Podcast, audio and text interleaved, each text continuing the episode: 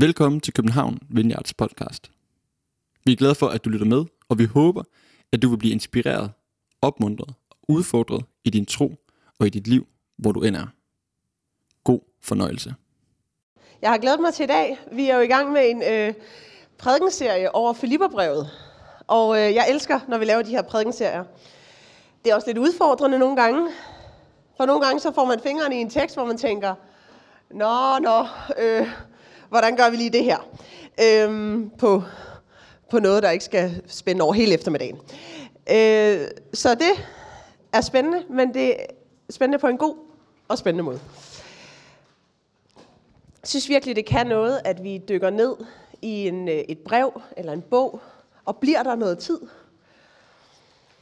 Bliver der og tænker, hvad, hvad hvis vi blev her lidt længere? Hvad hvis vi bliver ved med at søge rundt i den samme øh, situation, som Paulus her, som vi fra Filipperbrevet skriver ind i? Kan det sige os noget mere? Og øh, man kan godt være med og følge med, selvom man ikke har været her de andre søndage. Eller også, hvis man ikke øh, kender til øh, Bibelen, så skulle man gerne også kunne være med. Men ellers så vil jeg også lige anbefale, at man går ind og lytter til Emil og Flemmings øh, tale her for de sidste to søndage om kapitel 1 og kapitel 2. Når vi læser breve, øh, der er alle mulige forskellige genrer i Bibelen. Hov, og jeg har glemt at sige, at jeg hedder Anne, og jeg er en af præsterne i kirken. Godt. Jamen, så er der, hej. Godt at se jer. Det stod også på min note her. Jeg skulle huske at introducere mig selv. Nå, men når øh, Bibelen har alle mulige forskellige genrer, øh, og når vi går til en bog, eller et brev, eller en, øh, noget poesi, det er vigtigt, det kender vi fra danskundervisningen i folkeskolen, det er vigtigt lige at gøre sig øh, opmærksom på, hvad er det her for en genre. Og især når det kommer til breve, fordi breve er skrevet med en, en afsender, der har siddet og vil kommunikere noget specifikt ind i en situation til nogle bestemte modtagere. Det er ikke fordi, det ikke er vigtigt de andre genrer, men især med brevene bliver det ekstra vigtigt. Jeg synes, det runger lidt. Er det bare mig? Okay, det er bare i mit hoved. Det runger bare ind i hovedet. Åh, oh, den lader jeg selv op til. Ja. Nå, teksten i dag, den kræver, at vi faktisk lige er lidt opmærksom på øh, og husker øh, igen Paulus' historie. Dem, der modtager brevet, dem øh, i Filippi, der modtager brevet, de kender godt, de ved godt, hvem Paulus er. De kender hans historie, hans baggrund, de forstår godt de referencer, der er. Og dem skal vi lige have opsummeret. Øhm, fordi der er en del. Men det er vigtigt. Det er vigtigt for os at vide, hvad det er, Paulus øh, situation han er i, hvad det er, han skriver ind i. Og det hjælper os til at åbne op og forstå mere af teksten. Så øh, Paulus, han var jøde. Hans forældre øh, ja, var jøder, og han voksede op i Tarsus, som er en lille havneby i Lille Asien. Og som ung mand, så tog han til Jerusalem for at blive skriftklog. Og øh, vi læser i Apostlenes Gerninger om, hvordan de kristne, dem der tog imod Jesus som deres frelser, som messias, de skabte en folkelig uro. De rettroende jøder, som øh, Paulus var en del af, var vrede over, at de her Jesus-tilhængere, de ikke til synlandet ikke respekterede og fulgte Moseloven og de fædrene overleveringer. Så der var en spænding der. Jøderne, de skulle nemlig overholde Moseloven for at forblive en del af Guds folk. Gud udvalgte dem som sit folk. Deres respons var at følge loven. Det har de gjort i mange år. Og så kommer de kristne her og siger, det er fuldstændig lige meget om alt det der. Det handler bare om Jesus. Og tro på, at Gud har oprejst Jesus fra de døde. Og der følte Paulus sig, som den rettroende fariser han var, så nødsaget til at tage kampen op mod den her nye bevægelse. Og øh, det gør han rimelig hårdhændet, om man vil. Trusler om øh, mor og vold, der gik han ivrigt i gang med at forfølge de kristne, med til at kaste dem i fængsel på grund af deres tro. Men så en dag, på vej til Damaskus, møder Paulus Jesus, Guds søn. Og på den dag, der forandres Paulus' liv fuldstændig. Hans værdier, hans livsformål, måden han ser verden på, forandres. Og dem han forfulgte, blev han nu en del af. Og i det her kapitel, vi skal kigge på i dag, kapitel 3, der understreger han, at der er kun én måde, hvorpå vi mennesker kan tage imod Gud. Og det er gennem troen på Jesus. Ikke igennem vores flotte handlinger. Lige meget hvor flotte de er. Og den her insisteren på retfærdiggørelse ved tro, står som en af Paulus' helt centrale teologiske pointer. Det er Paulus' sådan, øh, det er hans kæphest, det er det, han kører i ring over. Ikke bare her i Filipperbrevet, men i det hele taget, det er ham magtpålæggende. Og øh, det her brev til Filipperne, det skriver Paulus. Øh, det er en kirke i Filippi, som er en by i sådan, det nuværende Grækenland, lige på grænsen til Tyrkiet. Og det var en romersk by. Og øh, Paulus har selv været med til at starte den netværksgruppe, som så var blevet til en kirke i byen. Og øh, efter han har været der et stykke tid, så rejser han videre for at plante andre kirker. Det var ligesom sådan, som Paulus han gjorde. Og der ender han så på et eller andet tidspunkt i fængsel. Det var han mange gange. Øhm, han ender, ender i fængsel, fordi han prædiker om Jesus. Og så skriver han til Filipperne for at sige tak for deres støtte og venskab. De sendte ham penge, de sendte ham øh, folk med opmundringer. Og øh, som vi læste i kapitel 1, hvis man var der for to uger siden, Paulus sidder i lænker, men han siger, at det giver ham en glæde, fordi det har ført til fremgang. Der er nogen, der har hørt om Jesus, som ellers ikke ville have hørt om ham, fordi Paulus sidder her i fængslet og deler nyheden, som det var, den helt, den nye nyhed, om at Jesus er ham, der klarede det hele for os, og vi skal ikke bindes af lov, vi skal ikke følge alt muligt for at komme hen til Jesus. Og øh, teksten, den tager vi i to bidder, fordi så mister vi simpelthen overblikket, eller det gør jeg. Så vi læser første del her. Det er Filipperne, kapitel 3. Hvis man har en bibel med, kan man jo følge med der, ellers kommer det også her oppe. Kapitel 3, vers 1-6. I øvrigt, mine brødre, glæd jer i Herren. At skrive det samme til jer igen og igen gør mig ikke træt, men slår det fast for jer. Vogt jer for hundene, vogt jer for de slette arbejdere, vogt jer for de skamskårne.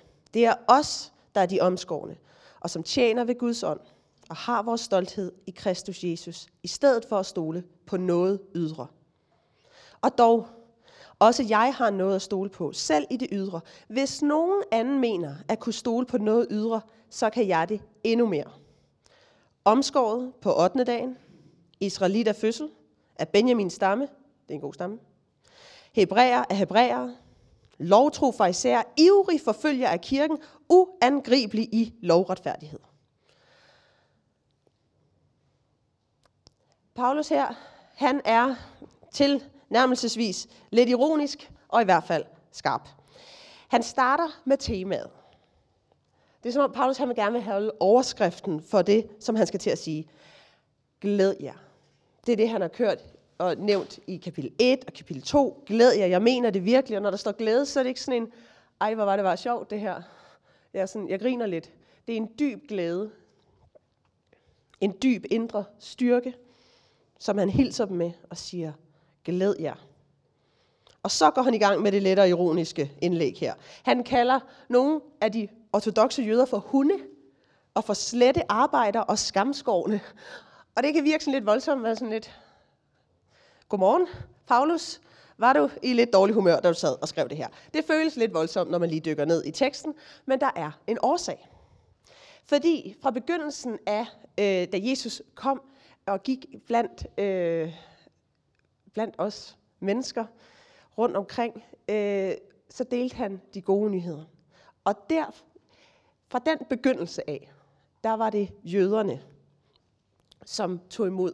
Det var jøderne, som Jesus han, øh, han talte med, han helbredte, han bad for, han, han var blandt. Og så efter Jesus, så er vi mange år efter her, Jesus er død på korset, opstået igen, taget til himmels. Og så er de ligesom i gang med at finde ud af, hvad gør vi? øh, hvad nu? Og øh, så er det så, at efter meget diskussion, så er det, at menighederne, de kristne menigheder, bliver enige om, at evangeliet må altså også være for hedningerne. Man kan læse meget om det her i Apostlenes Gerninger 10 og 11. De kristne menigheder kommer simpelthen frem til, at det kan ikke være rigtigt, det kun er for jøder. Det her budskab. Problemet for de jødiske kristne, dem der var jøder og havde taget imod Jesus, det var, at hedningerne, altså dig og mig, vi var blevet kristne, vi havde taget imod Jesus, uden først at konvertere til jødedom, og så tage imod Jesus. Det var helt nyt, at for at tage imod Guds løfter, Guds nærvær, For at kunne være en del af Guds familie, så skulle man ikke først være jøde, men man kunne bare tro. Det er helt nyt, og det skaber stor diskussion. Men apostlen Peter, han fortæller, at Gud har altså ledt ham til at prædike for hedningerne, og det accepterer man lidt som, om det er jo Peter, det, det er fint. Så den, den, den køber vi lidt. Så begynder Paulus at køre med spredhavl ud til alle hedningerne. Han planter den ene kirke efter den anden. Han prædiker, han, øh, øh, han er i gang med at forandre verden gennem hedningerne. Og øh, det er der så ikke så mange, der er glade for, og de begynder at modarbejde Paulus' tjeneste. Selvom apostlene i Jerusalem egentlig er blevet enige om, en gang for alle, de gode nyheder, er til os alle. Jesus kom for at frelse dig og mig, også ikke bare jøderne eller dem, der konverterede. De var blevet enige om, de havde sat to fede streger under, at troen er nok. Man skal ikke til at omskæres, som ellers var et tegn på, at man var en del af Guds folk. Man skal ikke til at følge resten af Moseloven, som jøderne ellers havde gjort. Det var ligesom sat nogle streger under. Modstanderne de begynder så at følge efter Paulus. Og der, hvor Paulus har plantet en kirke, der, hvor han har været i gang, så følger de efter. Og så begynder de at sprede budskabet hos de nye netværksgrupper, de nye kirker om, at det, ja, det, din tro er lidt tom, hvis ikke du først bliver omskåret, og hvis ikke du konverterer til jødedom, hvis ikke du følger loven. Og øh, det er selvfølgelig lidt op ad bakke for Paulus, kan man sige. Og det er denne her falske lærer, som Paulus er ude efter. Og Paulus, han, er så sådan, han, han begynder så at kalde dem hunde. Og nogle af os, vi er hundemennesker, og tænker, cute. Jeg synes ikke, det er et skældsord at kalde nogen en hund, men det skal man lige sådan hoppe ud af, og lige tænke, at det er ikke fedt at kalde nogen hunde. Øh, de ortodoxe jøder, de ville dengang kalde en hedning for en hund, men her kalder øh, Paulus de ortodoxe jøder, der forfølger ham, for hunde. Ligesom hunde, så snapper de Paulus i hælene. De følger efter ham fra sted til sted. De gør deres falske lærer ud. De skal have problemer og bare på en farlig infektion. Paulus, han er færdig med de her folk. Altså, han har ikke noget til overs for dem. Og hvis ikke han havde det før, så i hvert fald at begynde at kalde dem hunde i et brev, så var det vist slut med den relation. Paulus han er hele tiden i gang med at få os til at huske for dig og mig, for kirken i Filippi, til at huske og erkende dybt i vores sind, at Jesus er kommet for at frelse og være sammen med dig. Uanset. Uanset hvem du er. Og det er ret skældsættende på det tidspunkt. Paulus han siger her, at alle os, der har... Kan vi ikke få det op? Øh, nej, det er faktisk lidt tilbage. Jeg tror, det er slide 2. Tekst 2. Nej. Jeg ved det heller ikke helt. Han siger, jeg, jeg øh, refererer det bare her. Alle os, der har vores stolthed i Kristus og tror på ham, vi er de ægte omskårne. Altså vi er Guds ægte familie. Ikke dem, der tror, de kan gøre sig fortjent til det, eller tvinger, sig til, øh, tvinger andre til at gøre sig fortjent til det. Nåden er for alle. Jesus er kommet for alle. Paulus han skærer det ud i pap. Om man er mand eller kvinde, slave eller fri, omskåret eller ikke omskåret, Jesus er kommet til dig. Og det her det er nogle kæmpe sociale skillelinjer, som først Jesus og nu Paulus visker væk. Mand, kvinde, slave, fri, omskåret, ikke omskåret. Så Paulus han er altså on fire. Han er på en mission, og han er ikke ked af det. Og vi læser del 2. Men faktisk, Nina, jeg er rigtig irriterende. Kan vi lige tage øh, øh, sidste del? Øh, en til op. Ja, okay. Vi, tager lige, vi, vi skal lige have noget af den her, før vi læser nummer to. Hvis nogen anden mener at kunne stole på noget ydre, så kan jeg det endnu mere. Omskåret på 8. dagen, Israelit af fødsel, af Benjamins stamme, hebræer af hebræer, lovtro for især, ivrig forfølger af kirken, uangribelig i lovretfærdighed. Og så kommer del 2 her. Dog hvad jeg havde af fortjeneste, det regner jeg nu på grund af Kristus for tab. Ja, jeg regner så vist alt for tab på grund af det langt større at kende Kristus Jesus, min Herre. På grund af ham har jeg tabt det alt sammen, og jeg regner det for skaren, for at jeg kan vinde Kristus og findes i ham. Ikke med min egen retfærdighed, den fra loven, men med den, der fås ved troen på Kristus, retfærdigheden fra Gud, grundet på tro. For at jeg kan kende ham og hans opstandelseskraft og lidelsesfællesskabet med ham, så jeg får skikkelse af hans død, om jeg dog kunne nå frem til opstandelsen fra de døde. I kan jo godt se, at det her kan vi bruge rigtig lang tid på, ikke? Når Paulus han skal vurdere, hvad der betyder noget i livet, så er det ikke et svært regnestykke for ham. Selvom han vil være kommet til et andet resultat, inden han mødte Jesus. Det er lidt som om, at øh, Paulus han her går i gang med at lege revisor. Jeg ved ikke så meget. Hvis du er revisor og tænker, ej, det er ikke sådan, vi gør, så er det bare i orden. Øh, men jeg tænker, han sidder her og leger revisor og laver et tjek med bøgerne. Han kigger på sin fortjenestekonto, alt det, han har oparbejdet, og opdager, at han er bankerot. Han ser på Kristi konto og ser, at han var perfekt.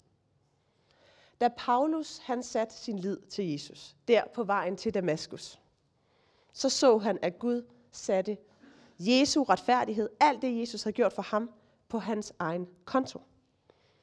Og mere end det, Paulus han opdager, at hans egen synder, alt det, han har gjort forkert, alle dem, han har været med til at øh, slå ihjel eller sætte i fængsel, det er blevet sat på Jesu konto på korset.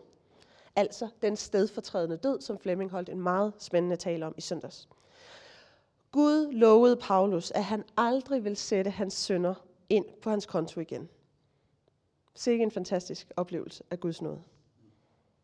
Paulus han indså, hvor nyttesløs hans gode gerninger var, og hvor syndfuld hans krav på retfærdighed var. Den iver, han havde for at følge efter loven, forfølge de kristne, hvor nyttesløst det var, det indså han der. Paulus han tabte noget, men han vandt noget langt mere, end han tabte. Det er som om, han sidder og laver det her regnskab. Sidder og skriver på den ene og den anden side. Men det er ikke et svært regnestykke. Og som missionæren og martyren Jim Elliot har sagt, og man skulle næsten tro, det var Paulus. He is, he is no fool to give what he cannot keep, to gain what he cannot lose.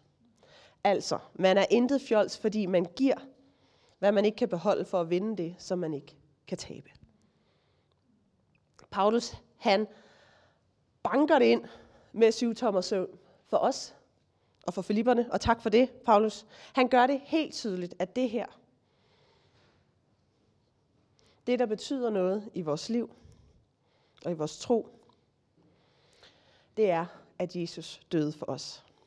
Han vil ikke, altså Paulus er færdig med det, han vil ikke høre tale om, at du skal gøre en masse ting for at være okay med Jesus. For at det er okay, at du er nær ved Jesus. Han er færdig. Paulus, han er, han er fed op. Han er færdig med det. Han er færdig med de hunde, der spreder infektioner og gør deres falske budskab. Og jeg øh, tænker tit på, hvor taknemmelig jeg er for Paulus, øh, om, selvom han nogle gange er lidt krasbørstig, at han er så øh, kompromilløs i det her. For der var kamp om, øh, der var kamp om teologien, der var kamp om evangeliet i de her, i de her år. Og Paulus, han holder fast, og han siger, nej, det er ved tro. Der er ikke andet. Det må vi hele tiden komme tilbage til. Og selvom der er nogen, der prøver at få det blandet op med alt muligt, vi må tilbage til, det handler om, hvad Jesus gjorde for os. Og det er det.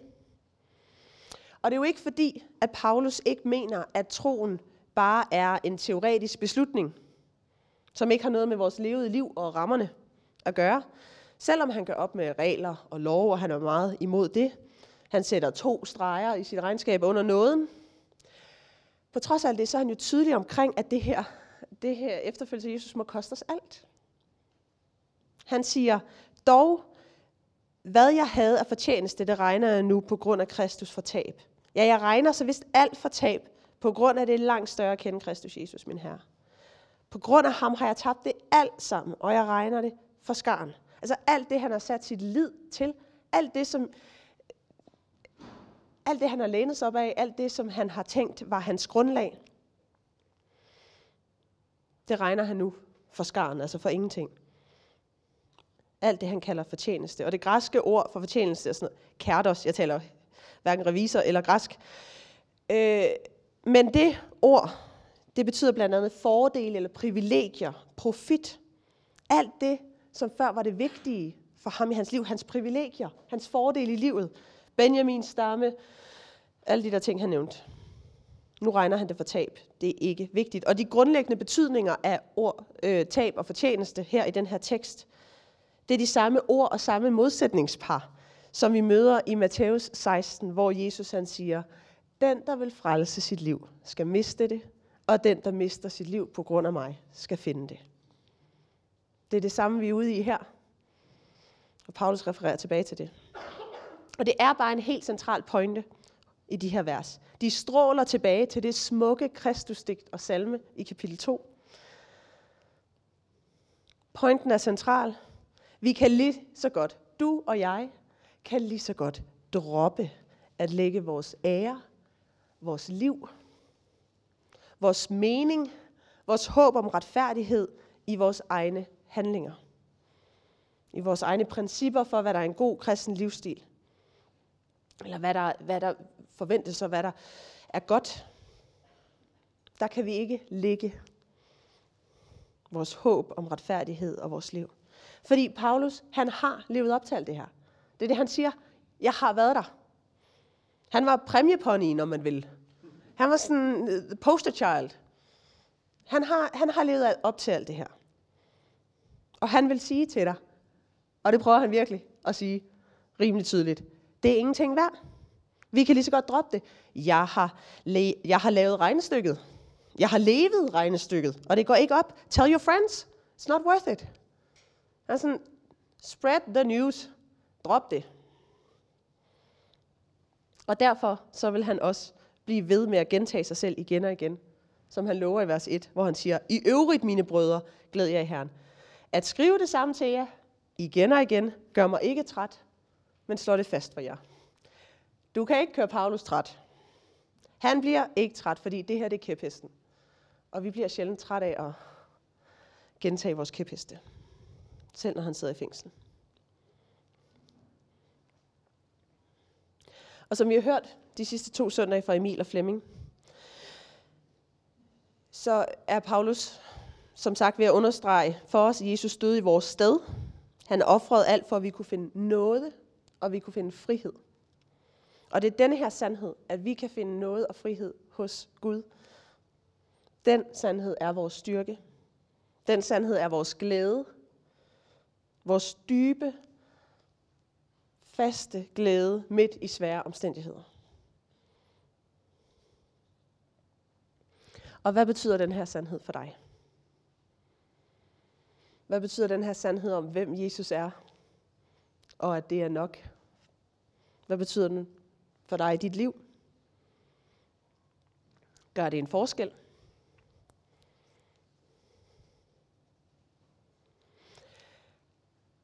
Versene i dag er i ret høj grad Kristus centreret. Det handler om en ny status. Gud ser alle troende som værende i Kristus. Det handler om den personlige erkendelse. Ikke bare at kende til Jesus, vide om ham, men vi er i en relation med ham. Vi vandrer gennem livet med ham. Og så handler det også for Paulus om vores tilpasning af livet. Han selv har forpligtet sig til at leve et liv, der efterligner alt det, der karakteriserer Jesus, hans messias.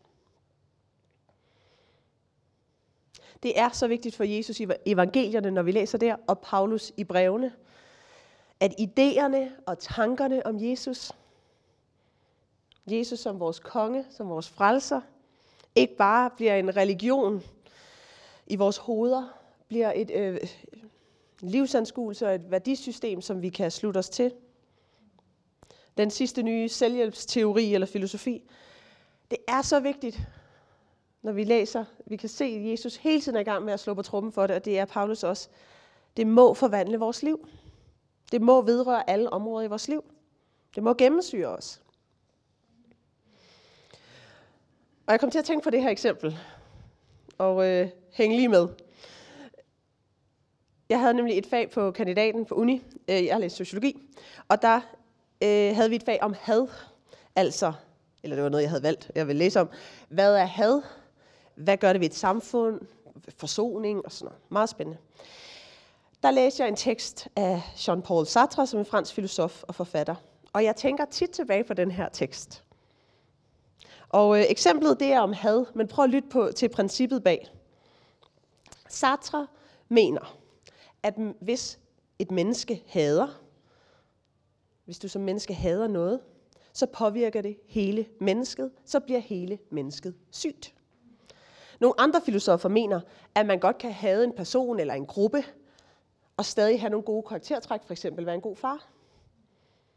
Altså, mennesket er delt op meget mere i nogle bokse inden i, nogle kasser, og de påvirker ikke nødvendigvis hinanden. Du kan godt have nogen inderligt, stadig være et virkelig flinkt menneske.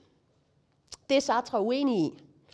Han mener, at hvis først mennesket hader, så er det en gift, der forpester mennesket og gør det sygt. Og den diskussion frem og tilbage skrev så en alt for lang opgave om. Øhm, men hvorfor i alverden nævner jeg det her? Jeg kommer bare tit i mine tanker og i mine bønder, og også i forberedelsen til talen i dag, til at tænke på Sartre. Eksemplet med had er jo selvfølgelig negativt. Men jeg beder om, at princippet hos ham, hans princip, det også må gøre sig gældende hos mig. At når jeg som menneske kender sandheden om Jesus, og jeg har taget imod Guds nåde og frihed, at det så må sive ud i hele mit menneske. Ikke som en gift, men som en forvandlende modgift. Det må nå ud i alle afkroger af mig. At jeg som menneske ikke må være for opdelt i mine kasser og bokse, så Jesus sandhed ikke når ud i hele mig, men bare bliver sådan i de relevante omkringliggende bokse, der nu har noget med tro eller sådan livsfilosofi at gøre. Min bøn er, at det må nå ud i alle. Afkrog. Har Jesus sandhed om dig, at du er set og villet af ham? At Jesus elsker dig så meget, at han offrede alt for dig, har den fået lov at sive ud i alle afkroger af dit liv? Hos Paulus så blev det en game changer. Det ændrede fuldstændig alt for ham. Og hvis du har været troende, hvis du har fulgt efter Jesus i mange år, så kan det nogle gange være lidt svært, det synes jeg i hvert fald, lidt svært at forholde mig til, hvordan evangeliet skal vende op og ned på mit liv. Fordi på en eller anden måde har det allerede gjort det. Stille og roligt. Men vi bliver nødt til at give plads til det. Og vi må være klar på det. Vi må stille os selv spørgsmålene om det, som Paulus glædes ved at gentage igen og igen og igen, faktisk er noget vores hjerter. Vores indre er det begyndt at sive ud i hele os. At Jesus har offret alt for os. At vi kan finde bundsolid glæde og bundsolid styrke hos ham.